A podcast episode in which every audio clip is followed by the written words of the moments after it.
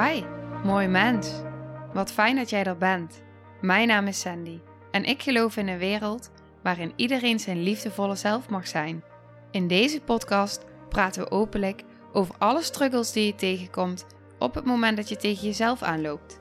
Vanuit mijn kennis en ervaring deel ik levenslessen en geef ik je inspiratie hoe jij vanuit pijn en angst weer voor liefde en vertrouwen kunt kiezen, zodat jij, dwars door het donker, de weg terug kunt vinden naar het licht in jezelf. Welkom bij de Liefdevolle Strijder Podcast.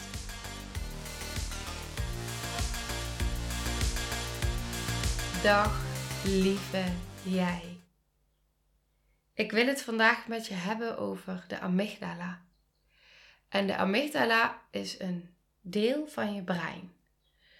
En daar ga ik zo meteen dieper op in, maar voordat we daar komen wil ik je meenemen. Ik wil je meenemen in hoe het werkt in jouw brein op het moment dat jij net geboren bent. Als je het hebt over veiligheid, amygdala die uh, gaat ook heel erg over veiligheid. En als je het dan hebt over wat veiligheid betekent voor een kind, voor een baby, voor jouw innerlijke kind, dan betekent veiligheid eigenlijk dat jouw behoeften worden gezien en dat ze zo snel mogelijk worden vervuld. Dus als je een baby hebt, een baby heeft warmte nodig, afkoeling, liefde, voeding, rust, prikkels, beweging. Het is allemaal wat jij nodig hebt om te kunnen ontwikkelen, om te kunnen groeien. Dus eigenlijk heb je iemand nodig die continu voor jou aanstaat, die er altijd voor jou is, zodat al jouw behoeftes vervuld kunnen worden. En eigenlijk, wat je vaak ziet, is dus dat, hè, als je het dan hebt over de moeder, uh, de moeder en de baby gaan met elkaar een symbiotische relatie aan. En dat betekent dat er een soort van afhankelijkheid is van moeder naar baby en van baby naar moeder. Maar die afhankelijkheid, en als je moeder bent, dan herken je die, denk ik wel. Uh, ik in ieder geval wel. Dan zal jij als mama alles, maar dan ook alles doen om het leven van jouw baby te beschermen. Je voelt dus zelf, tenminste ik voel, ik zal het even bij mezelf houden. Ik voel op het moment dat, dat ik Noah vastpak, dan voel ik, ik kan het niet beschrijven, want dat is dus wat gevoel doet. Hè? Dat is eigenlijk gewoon niet te beschrijven. Maar het is zo'n oergevoel. Het, is zo, het gaat zo ongelooflijk diep. En ik merk ook gewoon dat het, het, het is liefde op een ja, ik, ja dit, dit is het. Ik zal alles eraan doen met mijn leven om zijn leven te beschermen, om hem te beschermen. En om hem dat te geven wat hij nodig heeft, zo snel mogelijk. Dus als hij huilt, dan voel ik dat door mijn hele lijf gaan. En dan wil ik er alles aan doen om te zorgen dat hij zich weer fijn voelt. En dat hij zich veilig voelt. Dat ik, dat ik hem kan voeden, dat ik hem kan beschermen. Het gaat over diep vervuld zijn. Dat is wat ik dan voel. Op het moment dat hij bij mij ligt en tegen mij aan ligt, dat we knuffelen, dat ik hem zie, dat ik hem ruik, dat ik hem hoor. het is echt, het gaat over diepe vervulling. Ja, ja, dit is wat ik voel. En dit gevoel wat ik dus bij hem voel, voelt hij automatisch ook over zichzelf. Want wij zijn dus symbiotisch. En wat dat dus ook inhoudt, is dus dat de eerste maanden in de baarmoeder, maar ook de maanden na de baarmoeder, de eerste 8, 9 maanden, heeft de baby nog niet door dat hij zijn eigen persoon is. En alles wat ik voel, voelt hij. En alles wat ik geloof en wat ik aan hem geef, identificeert hij met zichzelf, omdat dat alles is wat er is. Hij voelt dat hij waardevol is. Hij voelt dat hij mij gelukkig maakt. Hij voelt hoe blij ik word als ik naar hem kijk. Hij voelt hoe onze ehm, onze hersenen met elkaar connecten. Ons hele lichaam op elkaar reageert en met elkaar connect.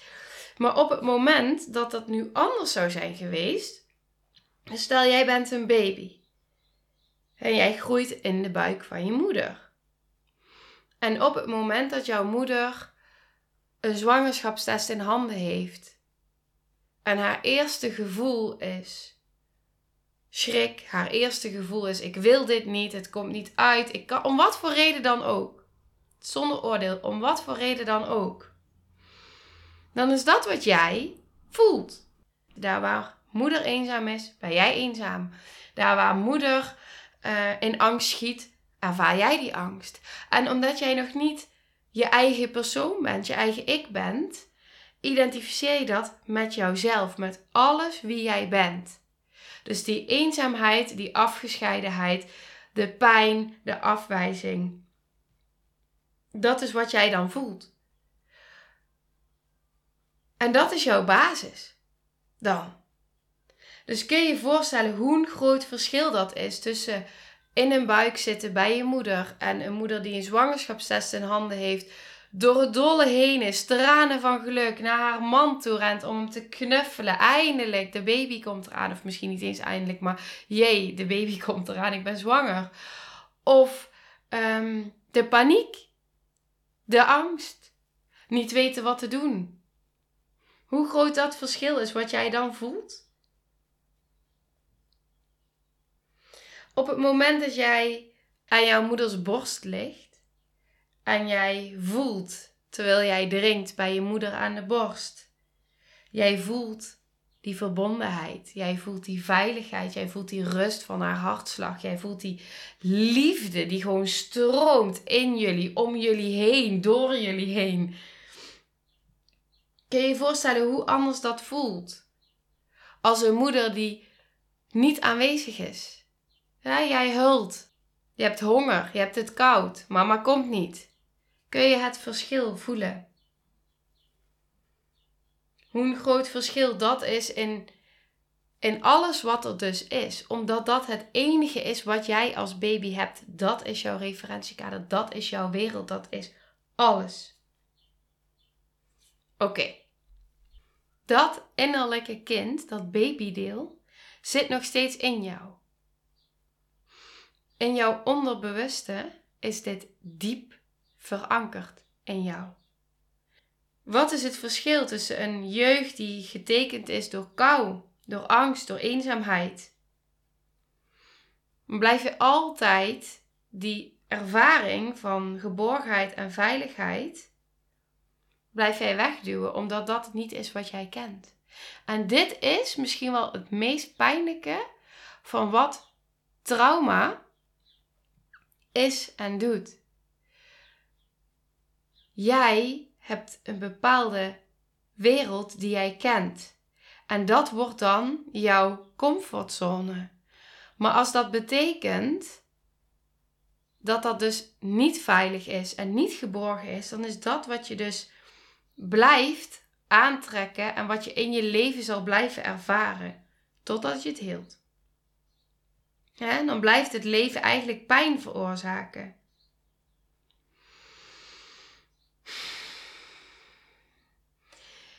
Die nee die jij hebt gevoeld vanuit je ouders, is automatisch een nee die je voelt naar jezelf. Als je heel veel bent gestraft als kind, als je de hele tijd hoort, ben eens stil. Als je de hele tijd hoort, als je dit doet, dan ga je uh, krijg je straf. De hele tijd is het niet goed genoeg.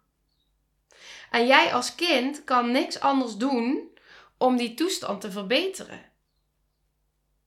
Het enige wat jij kan doen, en die raakt mij, het enige wat jij kan doen als baby al, is proberen om toch een positieve symbiose tot stand te brengen. Dus een positieve relatie. Want jij hebt je moeder nodig om te overleven. Dus ongeacht dat er heel veel is wat pijnlijk is, dat stop je weg, dat doe je weg, dat split je af. Dissociatie. En je gaat alles aan doen om te zorgen dat jij overleeft. En dan komt de amygdala. Dus de amygdala is eigenlijk een deel in je brein. En die werkt heel, ja, heel diep, heel, heel goed samen met jouw beloningscentrum in jouw brein. Dus op het moment dat jij als baby voelt, ik heb angst. Ja, en dat hoeft niet eens dus jouw angst te zijn, maar het kan ook de angst van je moeder zijn. Dus de moeder voelt angst, jij voelt angst. Dan reageert dus de amygdala. Dat is jouw angstcentrum. Ik noem het altijd. Um, oh, jezus. Um, je, je, hoe heet dat ding nou? God. Um, ik zie het voor me als zo'n rood. Ik zal, ik zal het even beelden maken. Ik zie het voor me als zo'n uh, rood alarmsysteem. Zo'n zo'n zo'n rode knop, weet je wel, die dan aangaat en die zegt dan wee, wee, wee. Zo zie ik dat voor me. Oké. Dus je amygdala, je angstcentrum, die reageert Oké, dit klinkt echt helemaal nergens na. Maar in ieder geval, er dreigt gevaar, je moet vluchten. Dat is wat hij doet. Uh, als je niet kan vluchten of vechten, hè? een baby kan niet vechten.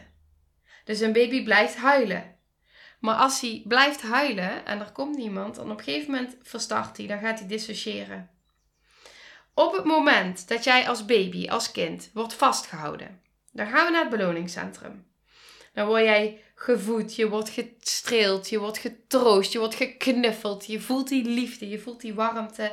Dan neemt meteen jouw angstgevoel af. Dus jouw angstcentrum, jouw amygdala, die kalmeert. En dan doe jij de ervaring op als baby. Oké, ik ben in paniek. Dus mijn paniekcentrum, mijn angstcentrum reageert. Maar op het moment dat ik in paniek ben, dus ik mag best even huilen, en dan bedoel ik met even een minuut en geen minuten. Ehm, dan word ik getroost. Ik word geknuffeld. En op dat moment ervaar je dus de rust in jouw systeem, de rust in jouw brein, de rust in jouw lijf. En dan is het dus een goede ervaring. Zelfs al is een situatie in eerste instantie lijkt die moeilijk, dan leert jouw brein: oké, op het moment dat ik dus in paniek ben, dat ik angst heb, word ik getroost. Dus dan leer jij als kind, als baby, dat je op hulp kan vertrouwen. Dus op het moment dat jij nu het patroon hebt, ik moet alles zelf doen. Ik doe alles wel alleen, ik heb niemand nodig. Dan zegt dat heel veel over jouw amygdala. En jou, jouw brein is geprogrammeerd. Want op het moment dat jij dus als baby, als kind niet wordt vastgehouden, hè, doe het maar alleen. De dokter zei vier maanden laten huilen en dan houdt hij vanzelf een keer op. Ja, dat klopt. Daar heb ik het al vaker over gehad in de podcast. Maar dit is dus waar alles ontstaat.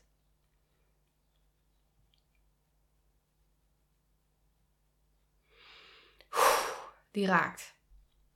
Want daar waar jij alleen wordt gelaten en als jij allemaal angst aan het verwerken bent, ook als het angst is die niet van jou is, dan is de enige manier, wat ik net al zei, dissociatie. Het is afsplitsen. Het is pijn. Het is pijn. En op het moment dat jij als baby, als kind niet krijgt wat je nodig hebt, dan ga je er alles aan doen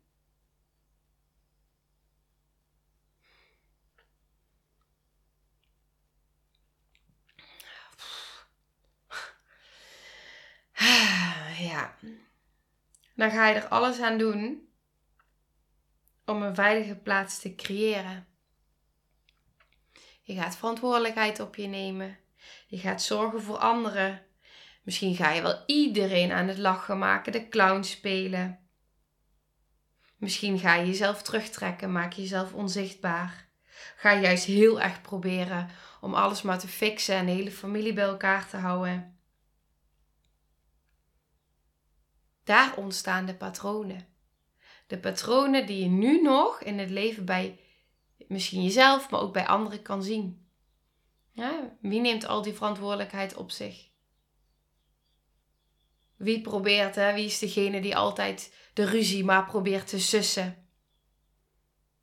Ja, zichzelf volledig opoffert. Vaak zie je dat dit mensen zijn die heel zelfstandig zijn. Ik, ja. Oké. Ehm, als je deze podcast luistert, dan ga je hier gewoon in herkennen. Punt. Dan herken je hierin. Dus ik hoef het ook niet zo te benoemen als vaak zie je dat mensen. Nee, jij zul je hierin herkennen. Jij zal herkennen dat je mega goed kan functioneren en mega goed door kan gaan. En dat je al die ballen hoog kan houden. En dat je keihard door kan rennen. En dat je er voor iedereen kan zijn. Dat je hartstikke zelfstandig bent.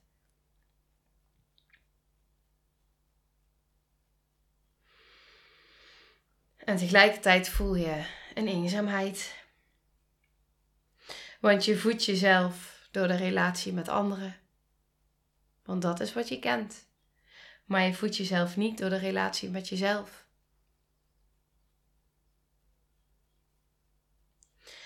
En zelfs al is die relatie met die ander niet goed voor je, dat maakt niet uit, want als de ander maar gelukkig is, dan ben jij het ook. Want jouw wensen, jouw behoeften, die zijn lang niet zo belangrijk. Want die relatie met die ander, die is veel belangrijker. Want dat is wat je brein kent. Dat is wat je kent. Dat is wat je nodig hebt om te overleven. Ja. Dus liever een relatie waarin je jezelf opoffert dan geen relatie. Omdat je ook de relatie met jezelf niet hebt en niet kent. En dan is daar zo ongelooflijk veel eenzaamheid en zo ongeveer, ongelooflijk veel leegte. En daar zit de pijn. En precies daarom zit ik zo op het hele van je innerlijke kind. Want op het moment dat jij ineens gaat zien van hé, hey, mijn innerlijke kind die voelt die pijn. Mijn innerlijke kind die zit daar en die is eenzaam en ik kan hem of haar zien dan is hij of zij ineens niet meer alleen. Want dan wordt hij gezien door jou. En daar gaat de verbinding. En die is zo belangrijk, want op het moment dat je je innerlijke kind gaat helen, ga je jezelf bevrijden. En dan wordt dit allemaal zichtbaar en vooral heel erg voelbaar. Dat is waar ik je als je dan het hebt over het online programma, waarin ik je helemaal mee ga nemen van begin tot eind door die processen heen. Zodat je die verbinding met die delen van jezelf kan gaan uh, ja, herstellen, helen en jezelf vervolgens kan gaan bevrijden. En zo is mijn programma ook opgebouwd. Hij is opgebouwd dat jij middels visualisaties, hypnoses, oefeningen vanuit je onderbewuste heel erg voelbaar en zichtbaar wordt van hé, hey, wat wordt er nu in mij geraakt? En die gaat heel erg over het voelen. Want je gaat pas helen op het moment dat je het kan voelen. Want die amygdala bereik je eigenlijk alleen maar via je gevoel. Dus het is heel erg belangrijk om te kunnen voelen, zodat je kan helen. En vaak kun je daar met je bewuste brein op die hele diepe lagen niet komen. Maar jouw lichaam herinnert het. Jouw lichaam reageert nu, vandaag. In alles wat hij heeft geleerd in die ervaringen van toen en daar. En dat betekent niet dat je helemaal terug hoeft te gaan naar het, het hele verhaal en het hele verhaal omhoog hoeft te halen. Nee, het enige wat je hoeft te doen is te verbinden met je innerlijke kindsdelen, met het gevoel. En op dat moment ga je het al helen. Door het aan te kijken, door het toe te staan, doordat het er mag zijn. En ineens wordt dan alles zichtbaar en voelbaar. En worden al die patronen die nu in je leven spelen ineens zo duidelijk en helder, omdat dat daar is ontstaan. Het gaat dus echt over het uh, verbinden van jezelf. En op het moment dat jij wil gaan verbinden met jezelf, dat gaat over trouw zijn aan jezelf dat betekent dus ook dat jij ehm, af en toe in je schuld moet gaan stappen. dat jij de loyaliteit die jij altijd hebt gehad, hoe jij je hebt verbonden met degene die jou pijn deden, dat je dat gaat loslaten. En dan krijg je dus, oké, ik heb altijd vanuit de loyaliteit gehandeld en gereageerd, maar nu ben ik volwassen. En nu weet ik wat er gebeurt. Nu voel ik wat er gebeurt. En nu ben ik wel op het punt dat ik in staat ben om trouw te zijn aan mezelf. Aan mijn innerlijke delen. Aan mijn innerlijke wereld. En dan krijg je een compleet ander uh, ja, manier van leven en een compleet andere manier van zijn. Want op het moment dat die verbinding er komt met je innerlijke kindsdelen, verbinding met dat wat er is geweest en dat je het kan zien en kan aankijken, dan weet je dus ook wat jij, jouw innerlijke delen, nodig hebben. En dan zul je niet meer vanuit innerlijke kindspijn reageren, hè, zonder dat je erover nadenkt, omdat je niet eens door hebt wat er gebeurt. Je doet gewoon wat je altijd hebt gedaan. Dus hoppakee, je wordt getriggerd en je reageert misschien vanuit een bevries of vanuit de vechtvlucht. Nee, je wordt bewust van dat wat er gebeurt. Je hebt verbinding met je innerlijke kindsdelen. Je voelt, ziet en weet wat zij nodig hebben. En vanuit daar kun je er voor ze zijn. En dan krijg je verbinding met jezelf. Toen was je misschien afhankelijk, maar nu niet meer. Nu kun je kiezen om met jezelf te gaan verbinden in plaats van bondgenoten zijn met die ander. Weg te bewegen van jezelf voor die ander. Nu kun je dat wel doen. Nu kun je verbinden met jezelf. En dat gaat gepaard met, ja, in, in, ook een stukje schuld. Want je gaat iets anders doen. Je gaat een andere beweging maken. En dat betekent dat je anderen, ja, dat je niet altijd anderen blij maakt. Maar het is jouw leven. En dit gaat over alles. Als jij merkt dat jij in een relatie zit die niet goed voor je is. In een baan die je eigenlijk wil opzeggen. Omdat je een baas hebt die niet chill met je omgaat. Of je voelt dat je het niet meer leuk vindt. Um, omdat je in een vriendschap zit die je niet dient. En je steeds wegbeweegt van jezelf. Dan blijf je het patroon voortzetten. Voortzetten. Totdat je ineens gaat voelen van... Hé, hey, maar mijn innerlijke kinder, kindsdelen mijn innerlijke kind, dus misschien even, ja, nou, mijn innerlijke kind. Het zijn natuurlijk meerdere delen, maar mijn innerlijke kind, die voelt, die, die voelt dat dit niet klopt voor mij. Die heeft een andere verlangen. Ja. En op het moment dat je daarna gaat luisteren, dan ga je pas ervaren hoe vervullend het leven kan zijn. Want daar zit je levensvreugde. jouw innerlijke kind is jouw mooiste, levendigste, vreugdevolle deel van jouw persoonlijkheid. Maar wat als jij de hele tijd tegen jezelf zegt: Je bent niet goed, je mag er niet zijn. Als de ander maar gelukkig is, dat jij niet gelukkig bent, ja, maakt niet uit hoor. Als je dat heel tegen jezelf zegt. Jij doet er niet toe, jij bent het niet waard, jij moet je niet aanstellen. Ga maar gewoon door. Je moet het perfect doen, want anders ben je niet goed genoeg. Als je de hele dag tegen jezelf zegt, kun je je voorstellen hoeveel er in jou sterft van binnen.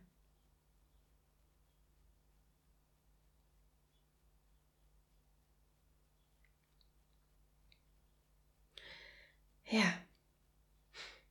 En kun je dan voorstellen dat op een gegeven moment het ook gewoon. Ja hoeveel impact dit en invloed dit heeft op jouw dagelijks leven. Hoe je wakker wordt iedere dag. Word je wakker vol met levensvreugde, omdat je ongelooflijk veel zin hebt in je dag. Omdat je in verbinding bent met jezelf en het leven leeft wat jij wil leven, wat jouw innerlijke kind, waar die blij van wordt. Of voel je iedere dag zwaarte? Voel je niet gezien? Voel je niet gehoord? Oordeel je naar jezelf, wat dus weer, weer spiegelt in anderen, omdat je ook naar anderen bekritiseert en oordeelt. Het is allemaal zo'n waardevolle informatie. En er is geen goed of fout. Maar het is bewustwording.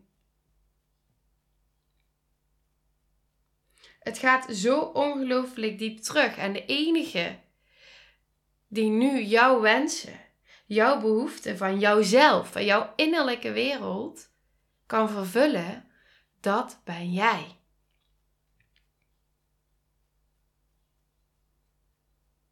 Dat ben jij.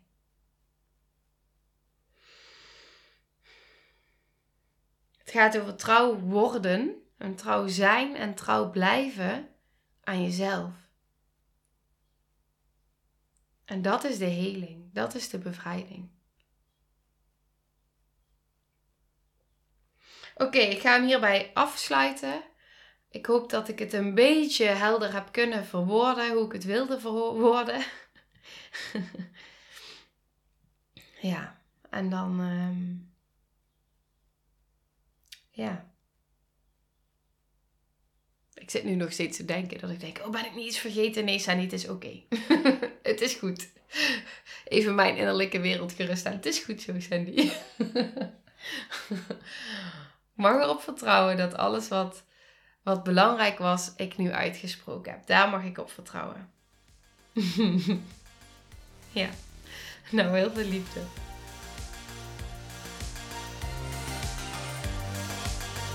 Nou, lieve mensen, ontzettend bedankt voor het luisteren. Ik ben heel benieuwd wat je van de aflevering vond en welk inzicht je eruit hebt gehaald.